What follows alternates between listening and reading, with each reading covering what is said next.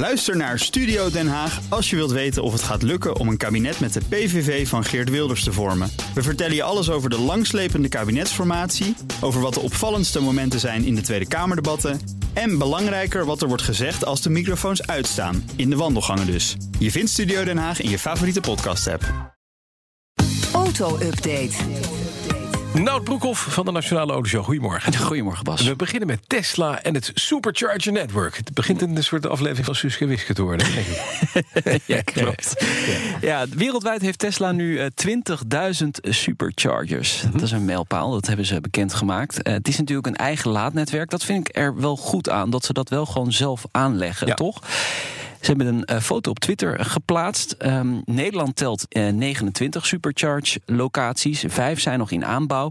En ja, je ziet ook dat die laadcapaciteit steeds sneller wordt. Hè. Ze gaan naar V3 toe. 250 kilowatt kun je dan eh, laden. Dus ja, op zich, het, het krijgt wel steeds meer vorm. Maar ja, goed, Tesla verkoopt steeds meer auto's. Dus ze moeten ook dat laadnetwerk steeds verder uitbreiden.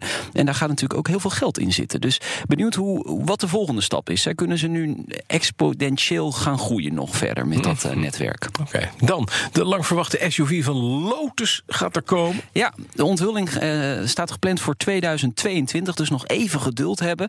Maar hij komt een jaar later dan ook echt op de markt, schrijft het Britse autocar vanochtend. Maar eh, de plannen zijn wel een beetje aangepast, eh, Bas. Lotus is net als Volvo natuurlijk eigendom van Geely, Ja. het Chinese automerk.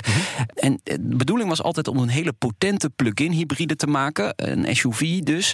Eh, Volvo heeft daar natuurlijk ook heel veel ervaring mee. Ik denk aan bijvoorbeeld de XC90 T8. Dat gaat niet door. Het wordt een volledig elektrisch model.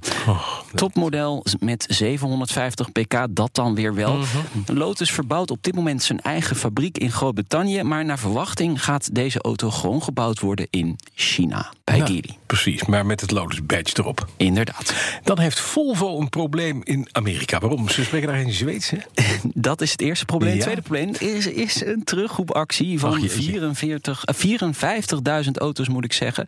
De S80 en de S60, bouwjaar 2001-2003, geleverd dus in Amerika. Het gaat om een defect aan een airbag, waardoor een dodelijk ongeval is gebeurd. Mhm. Nou, het apparaat dat lucht in die airbag aan de bestuurderskant blaast, kan scheuren als de airbag wordt geactiveerd, waardoor metalen delen kunnen rondvliegen.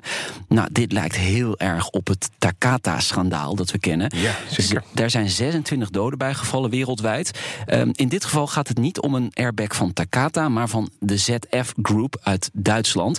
En eh, ja, dit is aan het licht gekomen in augustus 2019. Dus ze zijn er al meer dan een jaar onderzoek naar aan het doen. En nu zijn pas die auto's dus eh, teruggeroepen. Zo, ja, dat nou is ja, eh, wie, wie weet, moeten ze, ja, misschien moeten ze veel meer auto's gaan terugroepen. mo- mogelijk ook in, in Nederland. hè? Dat is speculeren op dit moment. Op dit moment hebben de Amerikaanse autoriteiten gezegd... die auto's moeten zo snel mogelijk terug. Terug, precies. Dan even oppassen geblazen in ons eigen land. Want er gaan nieuwe trajectcontroles op N-wegen vandaag eh, ingesteld worden. Ja, op de N253 op de rondweg in Sluis, Zeeland... en de N11 tussen Leiden en Alphen aan de Rijn... daar komen nieuwe trajectcontroles. Ja, je ziet, dit is een trend, hè. steeds meer trajectcontroles op N-wegen. Dat heeft met de veiligheid te maken van het onderliggend wegennet. Gebeuren relatief veel ongelukken. Dus ehm, de handhaving moet eh, opgeschroefd worden. Ja. Afgelopen maanden zijn er vijf trajectcontroles geopend op... eh, of ja, geopend. Ja, het is natuurlijk geen feestelijke happening, hè Bas? Maar eh, ze, ze, zijn aangelegd, zullen we het zo zeggen. Ja, dit is beter dan inderdaad feestelijk open. Ja. Inderdaad. En eh, vanaf vandaag dus nog twee extra. Ik denk dat dat wel goed is hoor, om, om te handhaven ook op die wegen. Want, Ja, is ook, want daar gebeuren de meeste ongelukken. Dat Inderdaad, weten we. ja, ja. precies. En dan hou je er maar aan. En 80 is 80, prima. Ja. Als we het maar niet op de N235 doen. Om af te sluiten. heb, je, heb je goed nieuws van Porsche, begrijp ik? Ja, ja, het is maandag, begin van de week. En ik wil jouw week ook even lekker laten starten. Ja, ja. Eh, de 911 behoudt nog heel lang zijn verbrandingsmotor. Kijk eens. Ja. Hè.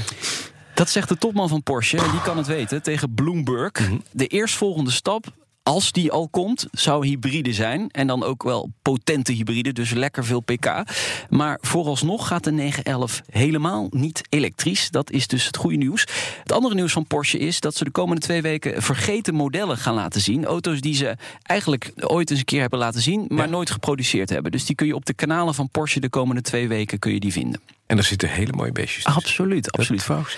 En waarschijnlijk allemaal veel te duur om in productie te nemen. Dus daarom hebben ze het niet gedaan. Nee, maar toch, Maar toch genieten. lekker kijken. Dankjewel, Nou Broekhoff van de, De Nationale BNR. Auto Update wordt mede mogelijk gemaakt door Lexus. Nu ook 100% elektrisch. Ook Bas van Werven vind je in de BNR-app. Ja, je kunt live naar mij en Iwan luisteren tijdens de ochtendspits. Je krijgt een melding van Breaking News. En niet alleen onze podcast Ochtendnieuws, maar alle BNR-podcasts vind je in de app. Download nu de gratis BNR-app en blijf scherp.